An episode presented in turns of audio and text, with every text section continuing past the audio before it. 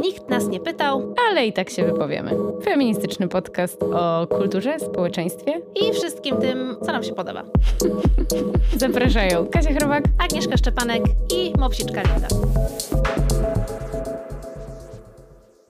Dzień dobry, dzień dobry, drogie słuchaczki, słuchacze, osoby słuchające. Dzień dobry. Witamy. Jesteśmy tutaj oczywiście razem z Lindą, która na razie oczka ma otwarte, ale być może zacznie chrapać. Myślę, że chrapnie sobie. Prosimy wtedy nie regulować odbiorników Absolutnie. Tylko delektować się. tym chrapulkowaniem. Czy ja właśnie wymyśliłam słowo? Tak. Okej. No więc tak, dzisiaj wprowadzamy drugą część naszego cyklu Shiro. Od razu bez ogródek zaczynamy. Bez ogródek i chciałam powiedzieć, że jak już y, jest drugi odcinek, to już można mówić o cyklu. Tak. Nawet jeżeli skończy się to na dwóch odcinkach w ramach cyklu, to jakby stworzyłyśmy cykl, Kasia. Tak, i też... e, Bell Hooks ma towarzystwo. Tak, ma towarzystwo. Jest to. Aha, to no, jeszcze dodam, że cykl, nie myślcie sobie, że jest to regularny cykl, bo Nie. cykle bywają też nieregularne. Bardzo. Jakie to feministyczne. No, a Bell Hooks ma znakomite towarzystwo Margaret Atwood. Tak, dzisiaj kanadyjska pisarka, która nie boi się żadnego gatunku literackiego. Ani żadnej opinii. Tak, napisała blisko 40 książek, które zostały przetłumaczone na około 50 języków. O my. I to zawsze trzeba mówić z tą gwiazdką około, ponieważ to jest, co się wciąż dzieje. Fenomen Margaret Atwood i jej pisarstwa poszerza się z roku na rok swoje granice i horyzonty, więc to jest wspaniała rzecz. Tak. I to jest. e, No nie wiem, czy mogę zaryzykować stwierdzenie, że najsłynniejsza żyjąca pisarka? Jedna z na pewno. Jedna z. Najsłynniejsza kanadyjska? Na pewno. To na pewno. No więc zaczniemy od krótkiego i chaotycznego bio. Tak, postaramy się, żeby było w miarę chronologicznie, chociaż dygresja rządzi się swoimi prawami. Wiadomo. Więc Margaret Atwood urodziła się w 1939 roku, czyli tuż po Rozpoczęciu II wojny światowej. Jest. Więc co za tym idzie, pamięta, czy też może pamiętać Hitlera, Stalina. Zagrzeka się, że pamięta i że to bardzo odcisnęło piętno na jej dzieciństwo i w ogóle myślenie potem w ogóle o świecie i literaturze i ogólnie społeczeństwie. Więc urodziła się w niezłym momencie, jeśli chodzi o pisarkę, która ma takie zacięcie no, do analizy socjologicznej, no bo II wojna światowa wciąż, choć wydarzyła się tak dawno temu, no to wciąż wpływa tak naprawdę na losy dzisiejszego świata. No ale oprócz Hitlera i Stalina to pamięta też czasy tuż po wojnie, pamięta zimną wojnę, pamięta dużo różnych fenomenów kulturalnych, Elvisa, Bitników, Dzieci Kwiaty i drugą falę feminizmu. Tak, ale to też ważne, backlash spowodowany drugą falą feminizmu.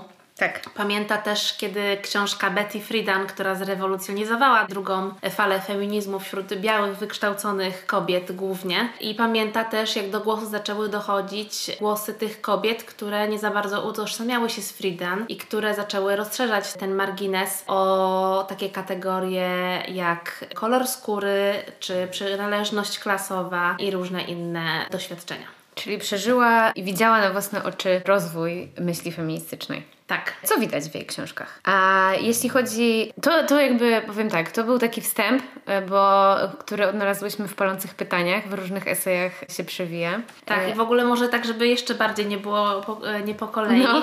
To no w sumie stwierdziłyśmy, że drugą naszą bohaterką będzie właśnie Margaret Atwood ze względu na to, że zostały wydane na język polski przełożone właśnie palące pytania, czyli jeden z bardzo głośnych zbiorów takich różnych esejów z aktualnych lat, czyli 2004-2021. Jest to dosyć pokaźny zbiór, jeden już któryś z kolei, ale tutaj Margaret Atwood przedstawiona jest jako taka obserwatorka życia publicznego i politycznego i społecznego. Zadaje bardzo różne pytania. Są to też takie jej zbiory eseistyczne dotyczące nie tylko tego, co się dzieje na świecie, ale też tego, co ona najbardziej kocha i czym się trudni, czyli literatury. Tak. Więc wszystkie polonistki i, e, i osoby kochające książki będą bardzo zadowolone. I co jest w ogóle super, jeżeli tutaj są różne takie, wydawałoby się, e, literackie zanurzenia, które mogłyby tylko zainteresować polonistów czy polonistki, to nic bardziej mylnego, ponieważ e, są to naprawdę bardzo absorbujące spostrzeżenia na temat literatury i w ogóle bardziej ogólnej materii, więc... I, i literatury i jej związków z życiem, tak bym Dokładnie, powiedziała. więc ona też sama, jest taki świetny esej, gdzie ona sama przepisuje swoją pracę, którą napisała tam w wieku 20 paru lat dotyczącą kawki Mhm. i mówi, co by teraz zrobiła inaczej i dlaczego tak wtedy napisała i to jest w ogóle bardzo, bardzo dobry,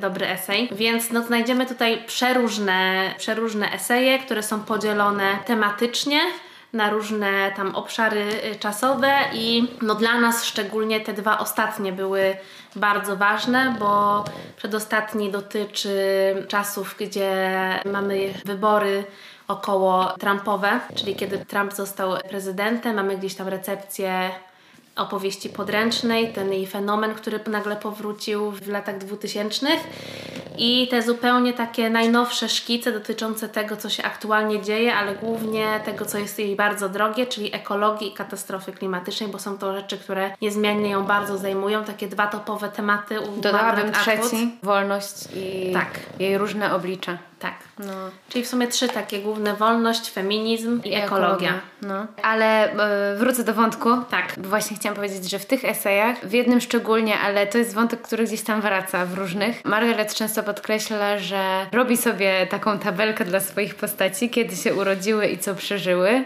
I stąd nasz wstęp. Bo jak to mówi, osobista historia zawsze ma związek z tym, co dzieje się wokół. To jest w ogóle super, żeby sobie przypomnieć, jakie ważne momenty my przeżyliśmy na przykład. Ja sobie zrobiłam taką tabelkę. Zrobiłaś? Tak. Różne wydarzenia w Polsce, które się wydarzyły za mojego życia i na świecie. I w ogóle miałam taki super wieczorek z moją mamą i z moją siostrą i sobie e, wypisywałyśmy e, te rzeczy. No ale dlaczego o tym mówię? Bo to e, właśnie hasło, że osobista historia się zawsze przeplata z tym, co jest wokół. Bardzo dobrze widać właśnie też w tym, co, w tym, co ona pisze. Nie? Tak. A wracając do jej właśnie osobistej historii, to czy chciałabyś Agnieszka opowiedzieć o jej dzieciństwie i o tym, w jaki sposób było wyjątkowe? Tak, mogę nakreślić tutaj. Jest dużo źródeł w ogóle, więc nie będziemy Was jakąś bardzo taką dużą szczegółowością za, zarzucać, bo jeżeli Was natchniemy do poznania Margaret Atwood, to oczywiście zostawimy e, bibliografię takich najfajniejszych rzeczy, które nam się udało znaleźć. Na przykład jak ktoś bardziej lubi oglądać dokumenty i e, lubi kino dokumentalne tak jak my, to na HBO dostępny jest dokument o Margaret Atwood, który był pokazywany chyba z 2 czy 3 lata temu w ogóle na Millennium Dogs Against Tak. Gravity, a teraz go można sobie właśnie w tym oto serwisie streamingowym obejrzeć. No i tutaj w nim towarzyszymy Margaret Atwood współcześnie, 80-paroletniej pisarce, która jest super aktywna wciąż zawodowo, która jest nieustannym wirze życia towarzysko-pracowego,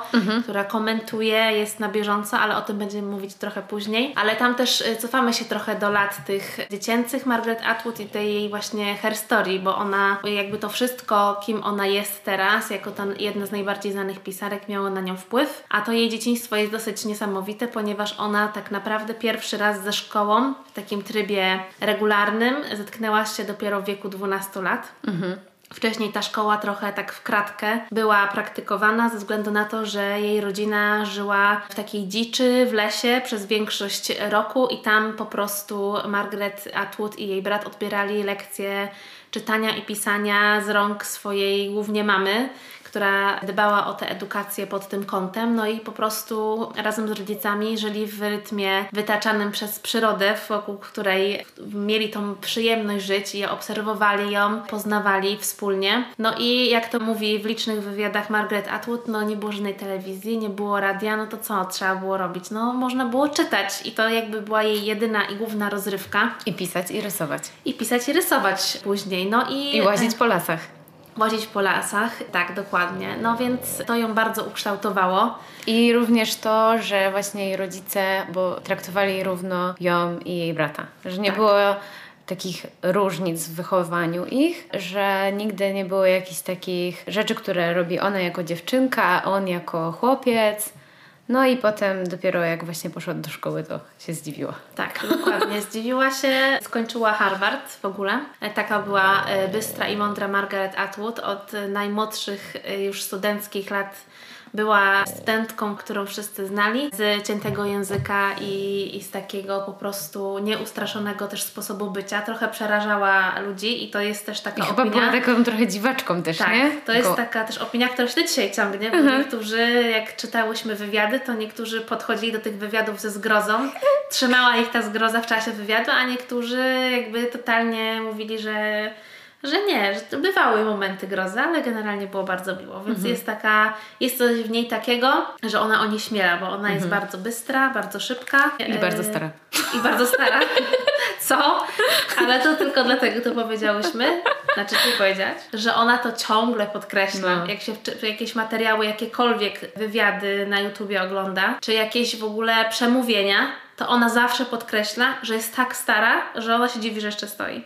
Więc jakby to jest taki żart, który ona sama uwielbia Tak. powtarzać na swój temat i trochę rozbraja przy tym swoją publiczność, która jest bardzo różna, ale ona też wiele się spotyka z czytelnikami, czytelniczkami dużo młodszymi od niej, więc myślę, że to jest taki fajny disclaimer z jej strony. Mhm. Tak, że tak, jakby, i że ten jej Słuchajcie, wiek- ja jestem stara, tak? Tak, no spoko. I to, że z powodu tego wieku może sobie niektórych traktować protekcjonalnie, bo sobie to też, to prawo sobie zastrzega. Tak, on nawet No. mówi, że jakby to jest też taka fajna rzecz z bycia starym, Mhm. starą, że właśnie może sobie pozwolić na ten protekcjonalizm i ona w ogóle nie zamierza się z tego powodu tłumaczyć, co jest, e, co jest uważam dosyć Cute. e, dosyć cute. No ale zanim była stara, to była młoda i Była była, na młoda. tych studiach i tam się spotkała już z seksizmem, Tak, i też... bo jej mówili, po co będziesz te książki pisać, znajdź sobie męża. Tak. I w ogóle znalazła męża. Był to bardziej taki chłopak, trochę przyjaciel i trochę ona, ten, ten ślub był dlatego, żeby on nie miał tego poboru do wojska, żeby, żeby nie musiał brać udziału w tej bezsensownej wojnie.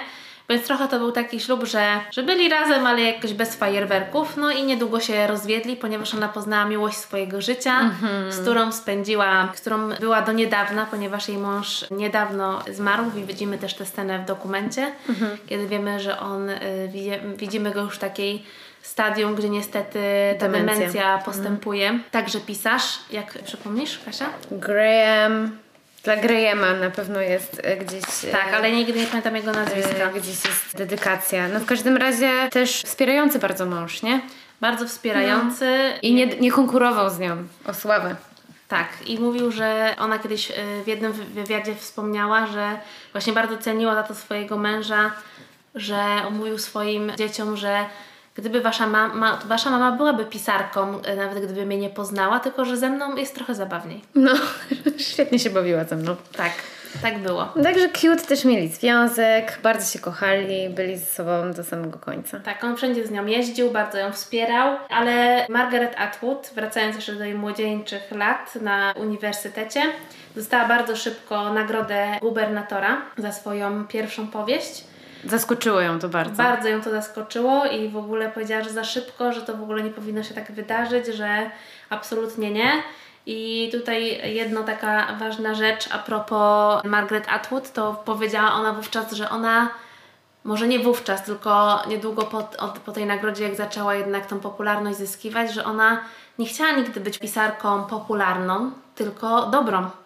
Były w jakieś, jakieś w niej obawy, że to może gdzieś tam zaszkodzić jej, ale ab- absolutnie tak się nie stało. Jej e, jakaś taka, mm, jej etos pracy i dyscyplina sprawiły, że ona tworzyła nieustannie w wielu gatunkach też poezję. Tak. I science, taką science fiction trochę, non-fiction, właśnie te utopie, dystopie. Tak. I co? I Margaret Atwood Tą popularnością się podzieliła ze swoimi kolegami i koleżankami po. Dokładnie, ponieważ zatroszczyła się o to, żeby literatura e, kanadyjska zyskała jakąś taką renomę, ale też w ogóle świadomość w, e, u czytelników i czytelniczek z całego świata, że nie jest tylko Margaret Atwood, która gdzieś tam staje się rozpoznawalna, ale jest jeszcze wielu innych świetnych pisarzy i pisarek. Stworzyli Stowarzyszenie Pisarzy Kanadyjskich. Tak, oddział e, Pen Clubu i tak dalej. I też z takich względów czysto, można powiedzieć, w wielkim cudzysłowie biznesowych, ponieważ nie było w Kanadzie żadnej takiej instytucji, która by e, gdzieś tam tych pisarzy e, zbierała, czy też troszczyła się o ich interesy i, i, i była jakimś takim polem, do, w którym oni mogą eksplorować i odkrywać pisarstwo kolejnych pokoleń i gdzieś tam zbierać to, o czym się dane pokolenie zajmuje, o czym rozmawia, jak interpretujemy to, co się dzieje w ogóle w Kanadzie. No i też efektem tych jej działań Były też rozmaite spotkania z zagranicznymi pisarzami, których ona zapraszała do Kanady, ale też antologie, które zbierały w ogóle dorobek kanadyjskich pisarzy i pisarek. Więc y, no, ta działalność i ta aktywność w tym na polu literatury, jak widzicie, jest bardzo duża. Tak. I żeby y, już może nie przedłużać z tą jej biografią, to dodam ostatni ważny wątek, że oprócz tego, że jest Kanadyjką i to też w niej widać i że kocha tą Kanadę, to nie, to nie jest tak, że nie wyściubiała stamtąd nosa, tylko też podróżowała po Europie tak. I mieszkała w Berlinie, e, jeszcze jak, jak stał mur berliński. I podróżowała też po Eastern Bloc i była między innymi w Polsce, w Czechosłowacji. Także poznała też te realia takiego, takiego smutnego trochę świata powojennego. I właśnie będąc w Berlinie, mieszkając w Berlinie podzielonym murem, e, zaczęła pisać swoją najsłynniejszą opowieść opowieść podręcznej, która też przysporzyła jej jeszcze większej kariery, bo jak zaczęła być, jak została zekranizowana, no to już wszyscy się dowiedzieli wtedy, kim jest Atwood. To co, to może teraz opowiemy trochę o tej opowieści podręcznej. Tak, ale wiesz jeszcze co chciałam powiedzieć, że y, Margaret Atwood nie powiedziałyśmy jeszcze bardzo ważnej rzeczy, że ona też oprócz tego, że jest pisarką, feministką, była żoną, była też matką, znaczy jest wciąż. Mhm. I ona to wszystko robiła i odnosiła te wszystkie sukcesy, wychowując aktywnie córkę. Swoją córkę. Kiedy mogła, to pisała i nie było zmiłuj. Ona po prostu była bardzo zdyscyplinowana. Czasami sobie odpuszczała, jak rzeczywiście to macierzyństwo było bardziej od niej wymagające ale no była, jakby jeździła z tą y, córką po, po świecie, kiedy trzeba tak. było i to w ogóle jej nie powstrzymywało przed tym, żeby właśnie tą karierę literacką w jakiś sposób zarzucać. Więc tak. to tylko taka gwiazdka dla tej sprawiedliwości. To prawda. I tu ja jeszcze dodam, że ma też taki system pracy bardzo ciekawy, czyli pisze sobie ręcznie, bo uważa, że ręka ma większe połączenie, pisanie odręczne z mózgiem, takie bardziej bezpośrednie. Więc pisze sobie ręcznie danego dnia materiał na kolejny dzień, a następnie przepisuje to, co napisała poprzedniego dnia. I i tak dalej, nie? I każdego dnia sama rutyna. Ta metoda pracy ma pewne odzwierciedlenie w tym jej pisarstwie, bo to polega na tym, że patrzy wstecz i wybiega myślą w przód dzięki temu, nie? Tak. Bo jednego dnia patrzy na to, co napisała wczoraj i pisze materiał na jutro. Tak. Nie? To też jest taki, taka cecha tej literatury wiktoriańskiej, w której ona się tam wyspecjalizowała na studiach, będąc, że właśnie jest dużo retrospekcji. Co tak. też jest cechą właśnie opowieści podręcznej. Tak, w ogóle jej wszystkich książek, one są w głównej mierze, ta narracja jest zawsze jakoś tak opowieścią z jakiegoś dystansu, trochę z jakiegoś takiego, jakiś jest zawsze punkt odniesienia. Nieważne, czy to jest utopia, dystopia, czy jakaś taka opowieść bardziej związana z wy prawdziwymi wydarzeniami jak Grace and Grace mhm. na przykład, która też została zekranizowana w postaci serialu, mhm. to zawsze ta opowieść jest z jakiegoś takiego punktu, jak to powiedzieć? Zgubiłam słowo. No, że jesteś w danym momencie i patrzysz, co do tego momentu Cię przywiodło. Dokładnie. Mhm. Na to jest na pewno jakieś piękne słowo, ale w tym momencie mózg nie podpowiada. No, a to nie jest właśnie słowo retrospekcja? No, ale jeszcze na pewno jest jakieś ładniejsze. No, może Ci przypomni. No dobrze, to opowieść podręcznej. No to co o niej powiesz? Ty ją czytałaś już dawno. Czytałam ją jakiś czas temu, tak, i właśnie sobie przypo... właśnie doszłam dzisiaj do wniosku, że nasze tutaj podcastowe opowieści i przygotowania zawsze mnie przywiodą do tego, że ktoś ma moją książkę. I Oddawać Agnieszce jej nie wiem, egzemplarz. Znowu nie wiem, kto ma opowieść podręcznej, ale wiem, że była z okładką serialową, mhm. bo ja przyznam, że nie słyszałam wcześniej, dopóki o serial się mhm. nie, y, nie ukazał z produkcji Hulu mhm. z Elizabeth Moss więc dopiero po serialu przeczytałam i tak, i to było moje takie pierwsze spotkanie, nie pierwsze z Atwood, bo już znałam Atwood z liceum i czytałam książkę, której nie zrozumiałam i w ogóle nie wiedziałam o co w niej chodzi. Mhm. E, moralny niepokój. Moralny Pożyczy... nieład. Nieład, pożyczyłam Ci ją. No. I... Ona jest taką niby jej też niby biografią taką bardzo metaforyczną. Zaczęłam to czytać, ale nie dziwię się, że jej nie zrozumiałaś, bo jest Ja bardzo też wtedy- taka poetycka, tak. metaforyczna. Byłam wtedy w liceum i w ogóle przeczytałam ją, dobrnęłam do końca, ale w ogóle nie wiedziałam o co chodzi. Ale opowieść podręcznej, znowu za dużo dygresji. No, no, no. To ja powiem, że ja y, zrobiłam tak, że zaczęłam oglądać pierwszy sezon serialu. Bardzo mi wjechał na banie. Bardzo smutny, brutalny i w ogóle skłaniający do niewesołych przemyśleń. Ale też... Niepokojąco aktualny. Okropnie, ale, ale to do tego do, dotrzemy. Ale też, pozdrawiam z tego miejsca Ole, przejrzałam sobie opowieść graficzną. Powieść graficzną, opowieść podręcznej, która jest e, wydana z wydawnictwa Jaguar, e, wyda, wydana jako komiks właśnie i to, więc mam na świeżo. Ale książki nie czytałam, ale na pewno przeczytam, tylko myślę, że za jakiś czas. Że muszę sobie trochę dać odetchnąć od tego mroku. Tak, no więc powieść jest świetna, czyta się to po prostu, no bardzo wchłania ten świat i to jest też niesamowita siła tego i bardzo ciekawe, co powiedziała Margaret Atwood na temat pierwszej ekranizacji powieści podręcznej, którą był film, który ona też tam w jakiś sposób nadzorowała, ale chyba w mniejszym stopniu niż ten serial, który, który teraz wciąż jest popularny i którego nowy sezon właśnie trafił na, na, na HBO. Tak.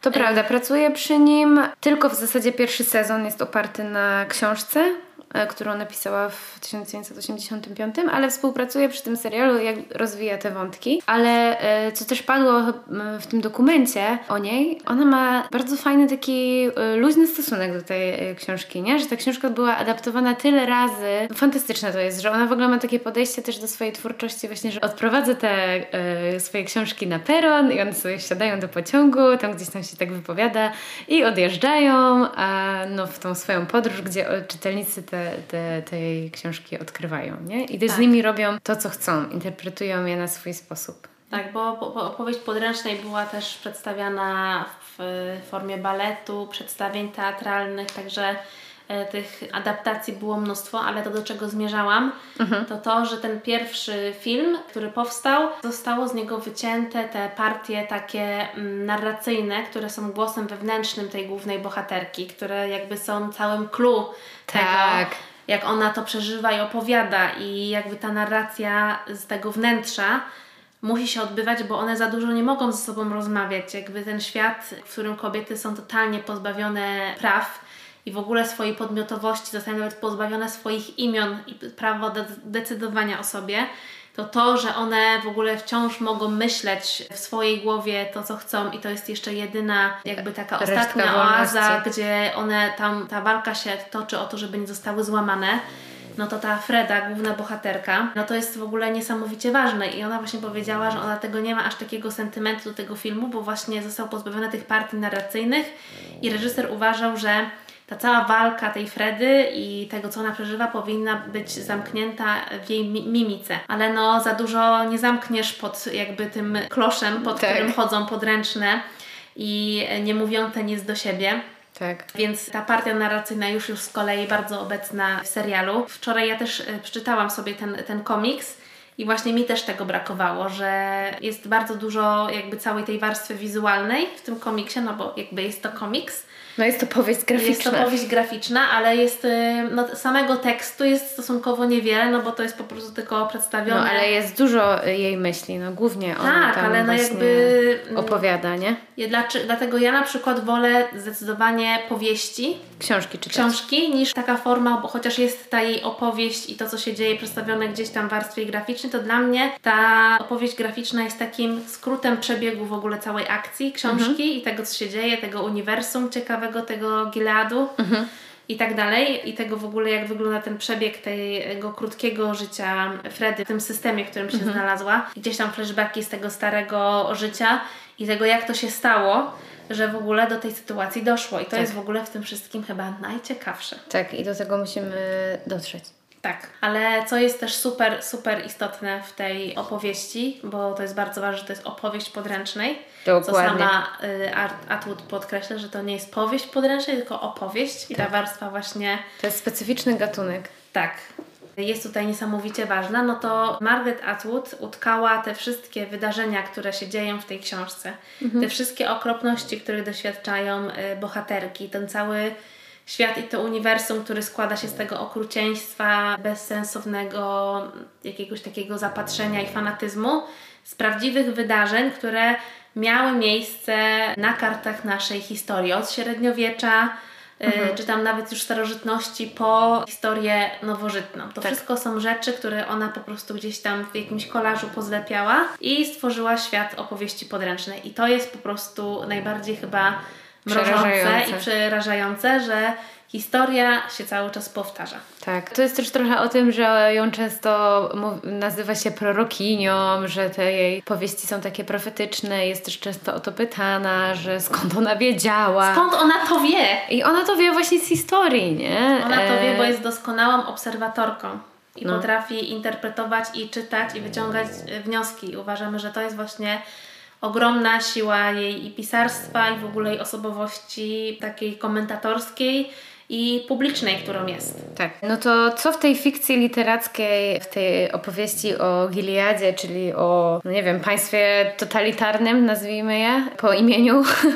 Nazwijmy. E, gdzie po prostu literalizm biblijny został użyty jako broń do przejęcia kontroli nad e, życiem ludzi, przede wszystkim nad życiem kobiet. Zrealizowały się marzenia wszystkich mizoginów, również te, które właśnie obserwowała Atwood podczas cofki kulturowej po, po drugiej fali fali feminizmu, czyli próba wypchnięcia kobiet z powrotem do domów i to, żeby zajmowały się domem, dziećmi, e, rodzeniem, że to jest ich główna, główna misja życiowa i tylko do tego się nadają, bo tak e, wyglądają realia Gileadu. No, przeraża ta historia, ale mówiłaś, że masz spisane gdzieś, e, co, Mam jakie, fragment jakie elementy, z jej wykładu, gdzie ona mówi o to. O jakie tym. elementy z rzeczywistej historii, która już miała miejsce, zostały użyte do stworzenia tego świata. To przeczytasz? Tak, mogę. To jest bardzo krótki fragment. Jak powiedziałam, wszystko o czym piszę w tej książce już się kiedyś gdzieś zdarzyło, albo technicznie rzecz biorąc mogło się zdarzyć. Odnosiłam się do wielu wydarzeń historycznych, na przykład do reżimu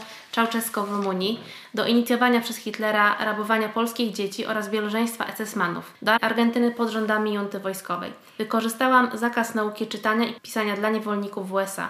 Wykorzystałam praktyki wczesnych mormonów. Wykorzystałam średniowieczne zbiorowe wieszanie. Jeśli wszyscy trzymają linę, wszyscy są współodpowiedzialni. Wykorzystałam także obrzędy dionizyjskie w starożytnej Grecji, podczas których ciała składanych ofiar rozrywano gołymi rękami. To są to tylko nieliczne przykłady.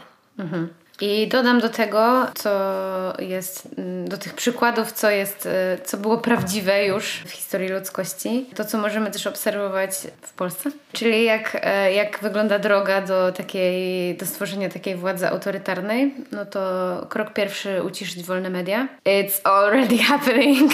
E, krok drugi zlikwidować niezawisłe sądy.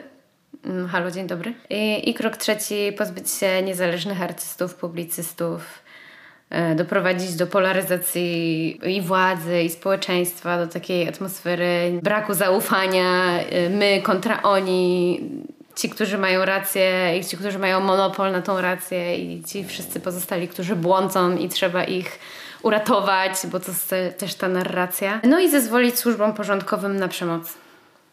No nie wiem, czy... Yy, czy to brzmi, czy to brzmi... aż... Tylko byś powiedziała czek, czek, czek. No trochę tak, nie? Więc to też ta główna bohaterka opowieści podręcznej często podkreśla, że obudziliśmy się za późno, że widzieliśmy Dokładnie. jak to się dzieje i przeoczyliśmy ten moment i potem już było za późno.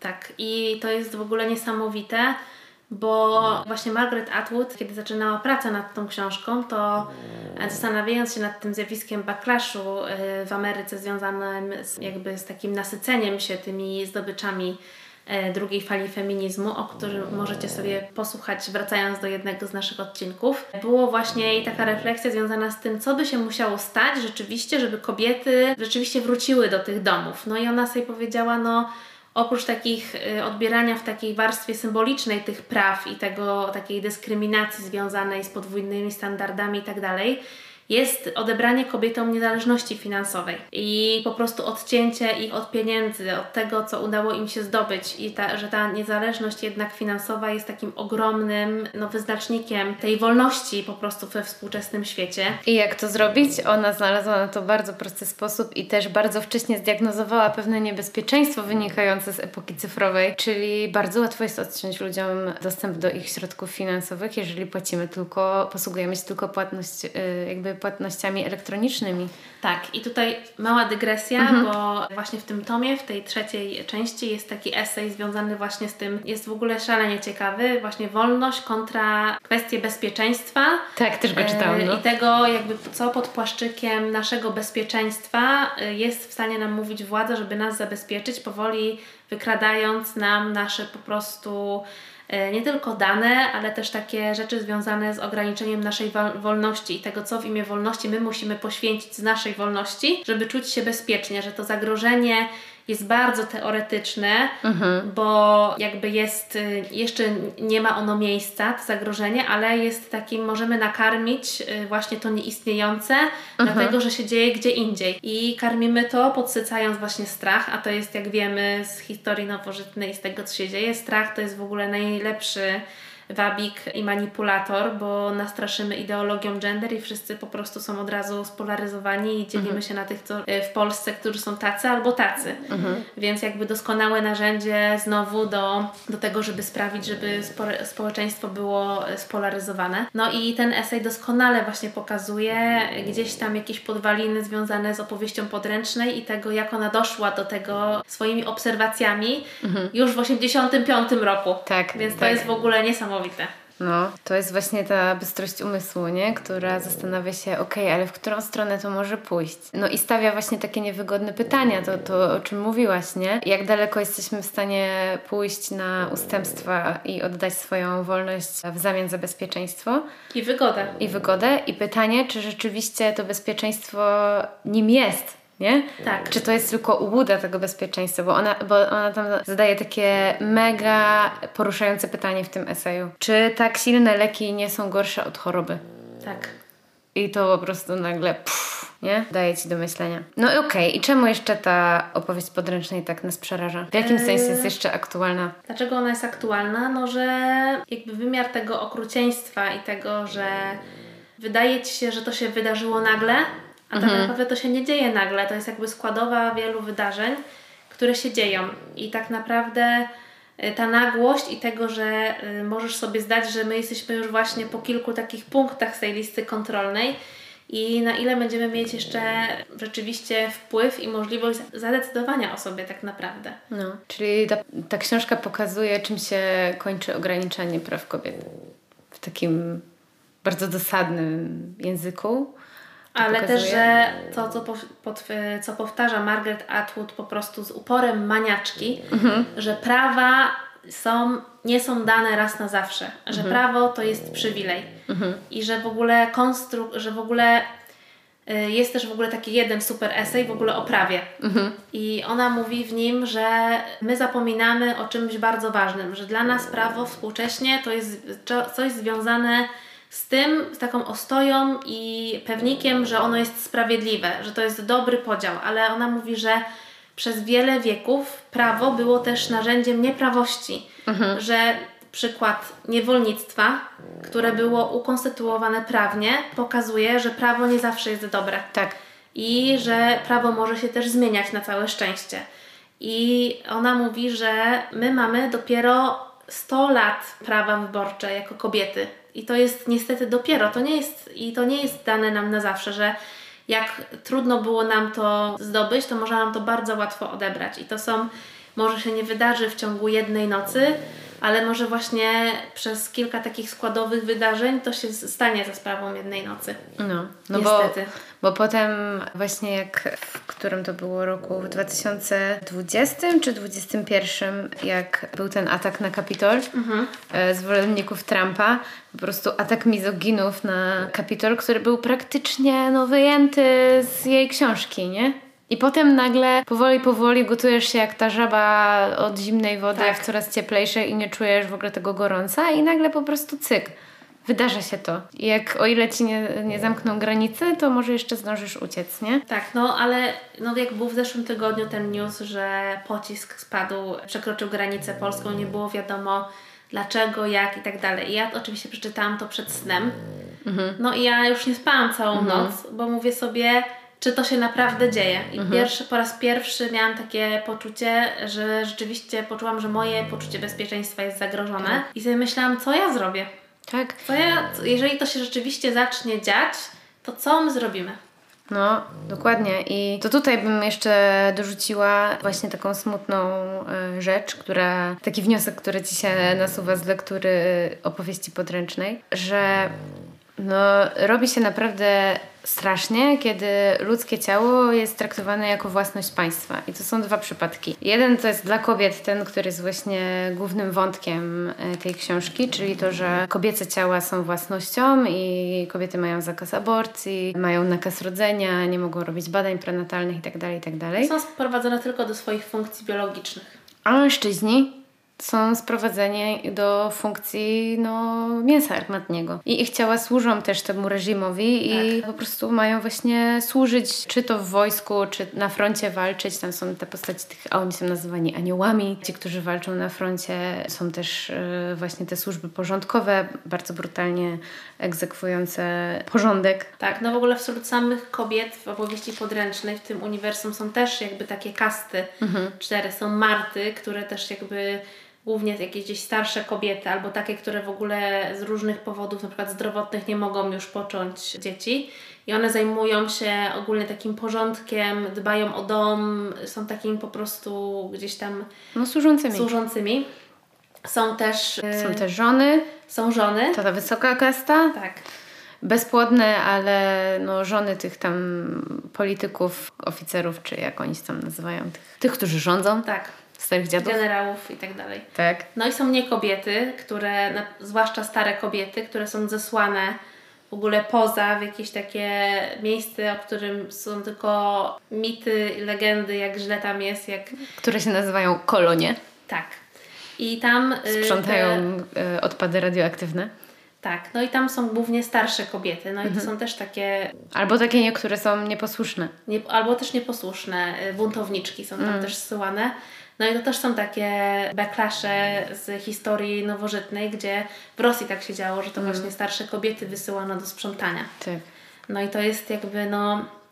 No mrozi. No mrozi. Ale co jeszcze warto powiedzieć o opowieści podręcznej i co warto podkreślić, to mhm. to, że strój, który mhm. Margaret Atwood się zainspirowała i który stworzyła na podstawie opakowania jakiegoś środka czyszczącego, gdzie była po prostu w takiej czerwonej szacie postać z, z odwróconą głową i z takim białym czepkiem. Mhm. I ona po prostu w swojej pamięci powiedziała, że to ją w ogóle przerażało w dzieciństwie w jakiś sposób i ona to odkopała i tym się zainspirowała i w ogóle jest też w dokumencie i w licznych materiałach gdzieś tam sobie znajdziecie na temat atu, to jest pokazana ta etykieta. Mhm.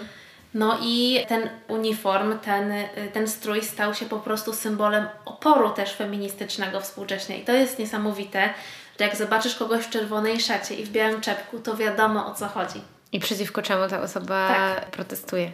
Tak. I rzeczywiście tak się ubierały kobiety na antytrumpowe manifestacje. Tak, no i w Polsce też I w Polsce na czarnych protestach. I też y, używano tego, tego symbolu, żeby dać taki wyraźny statement chroniący po prostu podstawowe prawa kobiet do, do decydowania o sobie. Mhm. To może już tyle, zamkniemy opowieść podręcznej. Tak. I bo jeszcze mamy trzecią część. A jeszcze tylko powiedzmy, że są jeszcze testamenty. Mhm. Po wielu, wielu latach Margaret Atwood napisała kontynuację opowieści podręcznej, bo po prostu fani się domagali, bo w ogóle opowieść podręcznej była też lekturą w niektórych... E, w Kanadzie, tak. tak. Mhm. Była w kanonie lektur. Mhm. Była w kanonie lektur. No i testamenty, y, za testamenty dostała też nagrodę Bookera. Na pół. Na pół, którą z Bernardine Evaristo. Z naszą ukochaną mhm. autorką najlepszej książki, jaką przeczytacie w życiu. Kobieta, dziewczyna, inna. Polecamy niezmiennie. Jest nawet osobny odcinek podcastu dedykowany tej wspaniałej książce. Tak. Więc polecamy.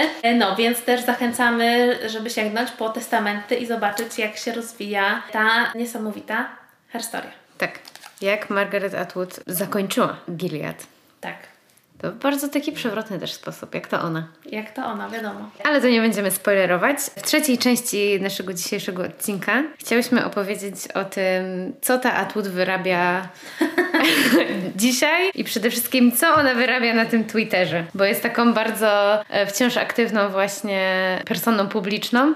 Tak. I ma opinię na każdy temat. Szybko oferuje wyroki, bo ten jej bystry umysł jej nie pozwala za długo czekać. No i niektóre właściwie te historie też się pojawiają w tych palących pytaniach, nie? Bo są dwa takie eseje, które spotkały, wywołały burzę. Tak. Nie? No i chyba chciałabym wywołać ten, czy jestem złą feministką. Co ty na to?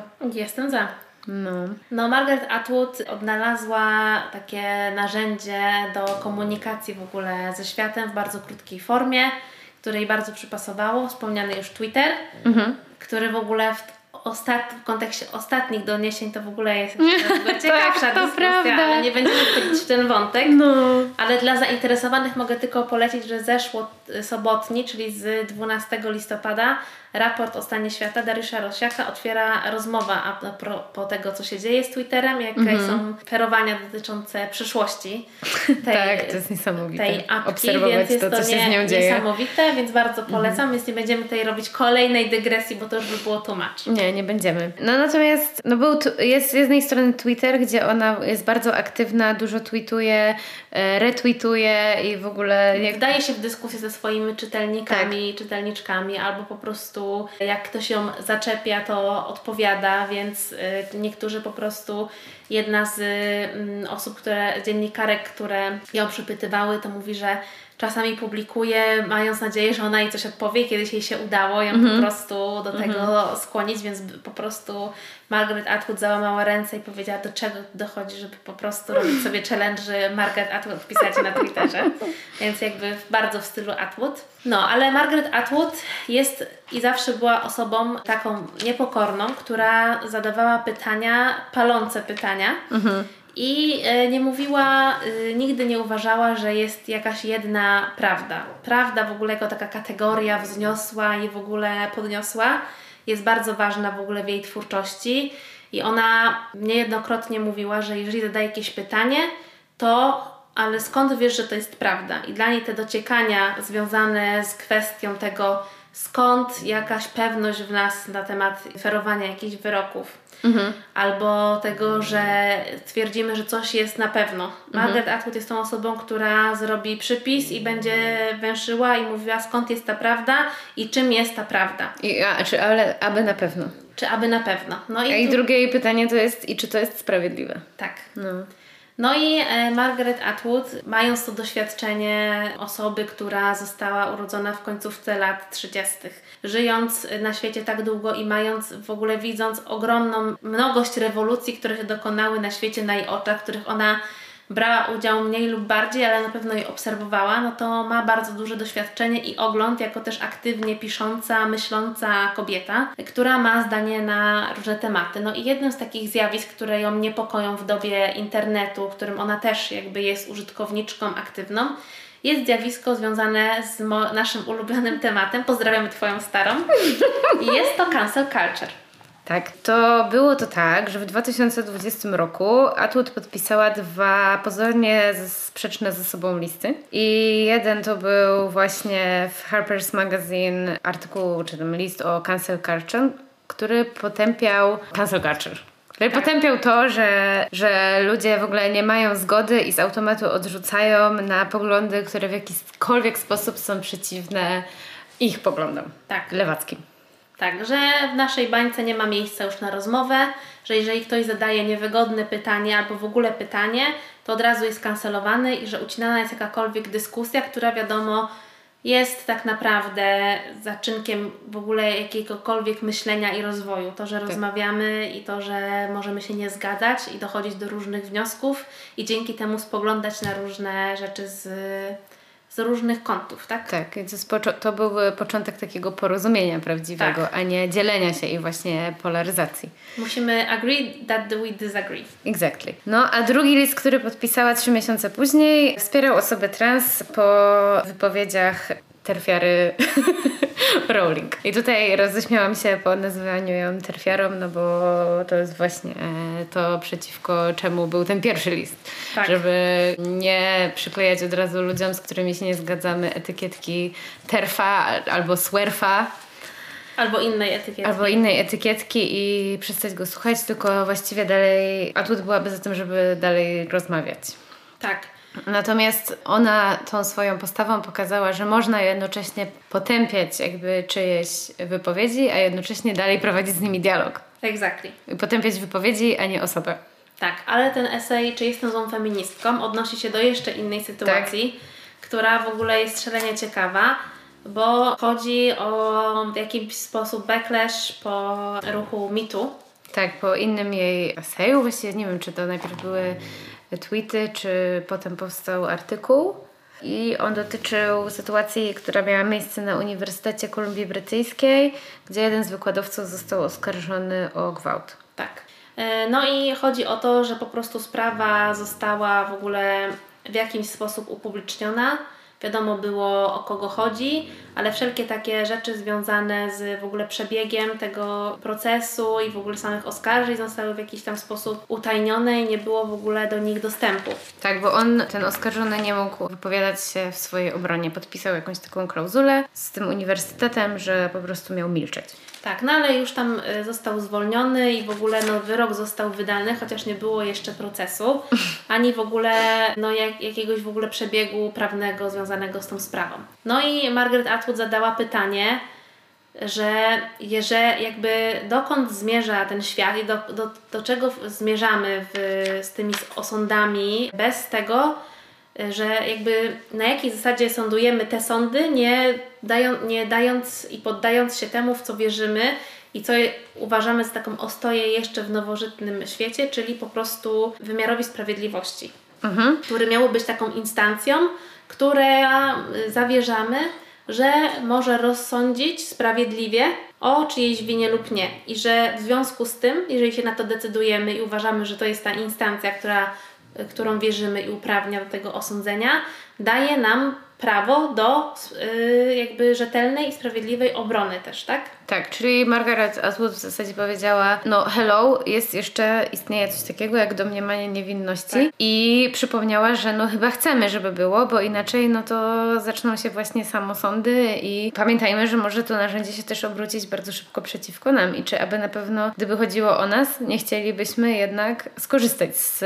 tego prawa i przywileju i podstawowego prawa człowieka, jakim jest właśnie domniemanie niewinności. Tak, Natomiast z drugiej strony powiedziała również, że ruch mitu jest bardzo ważnym ruchem i bardzo ważnym dlatego, że pokazuje duże, duży błąd, duże, duże niebezpieczeństwo, czyli zepsuty system sprawiedliwości. Tak, i no też y, powiedziała, że jakby. Który nie działa. Który, że, to że właśnie ruch mi tu nie po, pokazał doskonale, co nie działa, i że pewna jakby szala goryczy została przelana, i że był to ruch niezwykle, y, jest nadal potrzebny i który po prostu otworzył pewne drzwi i który po prostu totalnie przewrócił nasze myślenie o ofierze, o tej, która może być sprawcza i niepodważania w ogóle świadectw też kobiet, które zdecydowały się mówić, bo uciszanie kobiet ze względu na związane ofiar, ich, y, ofiary związanej z przemocą seksualną jest wciąż niestety powszechną praktyką mhm. i w ogóle podważanie tego świadectwa. Mhm. Więc ona po prostu pokazała, że jest to sprawa, która jest szalenie delikatna i która ma aspekty, które przemawiają za tym, żeby jednak wykazać się jakąś ostrożnością, mhm. jednocześnie pokazując, że ona rozumie skąd taka postawa się bierze. Tak. I zadaje pytanie, czy na pewno jakby robimy to dobrze, czy może jednak jest jakiś sposób, żeby to usprawnić. I ja tak. nie mam odpowiedzi, w jaki sposób to zrobić, ale może zastanówmy się nad tym. Tak, tak, właśnie to powiedziała, że skoro ten system widzimy, że nie działa, to co z tym zrobimy? Czy będziemy go obchodzić? Co jest niebezpieczne i właśnie... Bo zawsze jest, co są ci równi i równiejsi. Czy stworzymy nowy system, czy uzdrowimy ten, który jest, czy w ogóle wymyślimy coś nowego? Ona tak naprawdę zadała to palące pytanie. No, dzień dobry. Co ją za to spotkało? Została okrzyknięta właśnie złą feministką i wszystkie dobre feministki, czyli te, które e, działają trochę w mechanizmach cancel culture, powiedziały: No, ej, Margaret, no nie tego się po tobie spodziewałyśmy. Przecież że autorka powi- opowieści podręcznej takie rzeczy. Przecież powinnaś być z nami, a nie przeciwko nam. I że jak ona mogła i że jest już stara. No wiadomo, że argument starości musi się pojawić. Że nie nadąża e, i tak dalej. Na co Atwood odpowiada właśnie w tym swoim eseju Am I a Bad Feminist, że skoro tak, no to ona chyba woli być tą złą feministką, która zastrzega sobie to prawo do zadawania pytań, do błądzenia być może, ale do jednak stawiania tych pytań niewygodnych, a nie do odrzucania z automatu rzeczy, które, które nie pasują opinii publicznej, woke ludziom i, i przebudzonym i wszystkim. Tak. tak. Wszystkim przebudzonym. Tak, więc no, mimo tego, że jest stara, to wydaje mi się, że świetnie punktuje właśnie takie współczesne mechanizmy, które spalają dyskusję, zwłaszcza po tej lewej stronie. Mhm. I, I dla mnie jest to zawsze bardzo zastanawiające, że te mm, hasła wolnościowe i równościowe mówią o tym, żeby wszystkie głosy były słyszalne, żeby rozmawiać, a z drugiej strony ten mechanizm uciszania mhm. jest bardzo sprawnym, mhm. trochę biczem, który po prostu od razu mówi, ucisza w momencie, w którym możesz coś, powiedzieć albo nie. I wiem też, że bardzo dużo osób po prostu boi się coś powiedzieć takiego mniej popularnego, albo może zadać jakieś pytanie związane z, z tym, jakby o czym rozmawiamy, o co, o co się spieramy, o nad czym się zastanawiamy, bo nikt nie chce mieć łatki terfa przy, przyczepionej czy terfiary. Albo swerfa. Albo swerfa, no bo jakby dzień dobry to już zamyka wszystko, no i hmm. jakby jest po rozmowie, no i to hamuje jakikolwiek y, rozwój, czy, czy w ogóle to, żeby właśnie te głosy były słyszalne. Mhm. I na koniec, myślę, że już zmierzamy do końca. Tak. Jeszcze dodamy, że złą feministką Atwood bywa też nazywana dlatego, że kobiety w jej powieściach nie zawsze są dobre. To nie są anielice. To nie są anielice, tak. I to jest w ogóle też bardzo ciekawe, z, czym z jakimi zarzutami się spotyka Atwood. I ona właśnie w y, bardzo ciekawy sposób też w tych esejach y, mówi o tym, że właśnie feministka, czy w ogóle kobieta, która gdzieś tam utożsamia się z ruchem kobiet, ona nie musi być krystalicznie czysta.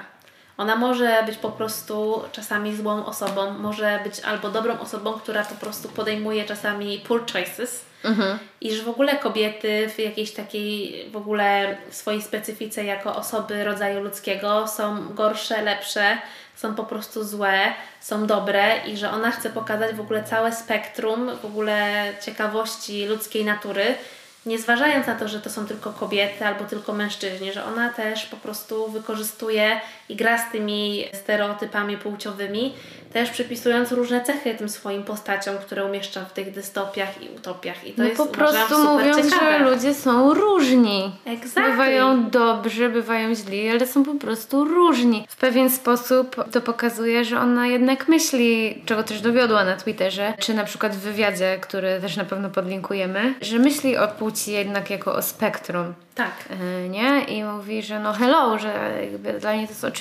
I tym bardziej właśnie przestrzega przed jakimiś takimi, przed jakimś takim organizowaniem życia społecznego na, e, opartego o jakiś podział ról e, według płci, że no te podziały właśnie nie są równe jak od linijki, nie? I nie powinny być że powinno być e, tam miejsce na więcej różnorodności, więcej wyboru przede wszystkim, nie? A mm. woman. A woman. To też taki cytat e, z Atwood. W feminizmie nie chodzi o to, by wierzyć, że kobiety zawsze mają rację, po prostu tylko dlatego, że są kobietami, nie? Absolutnie tak. To tak jak mówiłyśmy wcześniej, no różnie bywa. Różnie bywa i tutaj możemy wrócić też do naszych rozważań na temat strażniczek patriarchatu. Mhm E, i tego, że patriarchat w ogóle nie służy ani jednej, ani drugiej płci i to jest jakby już oczywiście kolejny nasz ulubiony temat, więc nie będziemy tutaj powtarzać, dla, e, żeby nie znudzić stałych słuchaczek i słuchaczy, bo ile można, one znowu z tym, ale no jakby wiadomo, że wszystko się sprowadza do jednego, mhm. że po prostu kapitalizm i patriarchat muszą zdechnąć. Y, no i dlatego ja uważam, że takie problematyczne i niuansujące shiro to są w ogóle shiro, które potrzebujemy, są na miarę naszych czasów. I e, Margaret Atwood pokazuje, że pytania palące należy zadawać, że dyskusja zawsze powinna toczyć się w szacunku i w zrozumieniu, ale bez tego w ogóle nie będziemy zastanawiać się nad tym, co jest dla nas dobre, czy nie przegapimy tego momentu, który się już dzieje, bo jakby hello, profetyczka Atwood. Nie, ona po prostu rozumie i obserwuje. Mhm. I jest wiele, od, czego możemy się nauczyć od tej starej baby, którą lubimy nazywać, jak powie coś, co wydaje nam się, że, że, że nie jest po naszej myśli. Ale wydaje mi się, że no Atwood wie, dowiodła w bardzo wielu swoich czynach i, i w piśmie, że, że, jest, że jest osobą, której y, warto się przyglądać i którą warto słuchać. Zgadzam się. Tak. I ona też, wydaje mi się, nie ma takiej postawy, która mówi, że jestem tą nieomylną kobietą, że ona właśnie pokazuje, że my możemy się wszyscy mylić, ale że no warto rozmawiać i po, dzięki temu... Czekałam na to. Warto rozmawiać. No warto, ale nie to nie Jan Pospieszalski. tak. No. Ale warto. No warto, no. No to co? To tyle? Jezu, chyba tyle. się nagadałyśmy, nie? No, trzeba się wody napić, zasnął mi w gardle. Dziękujemy za uwagę i pozdrawiamy i pozdrawiamy Cię, Margaret. Tak. Jeśli, jeśli nas słuchasz.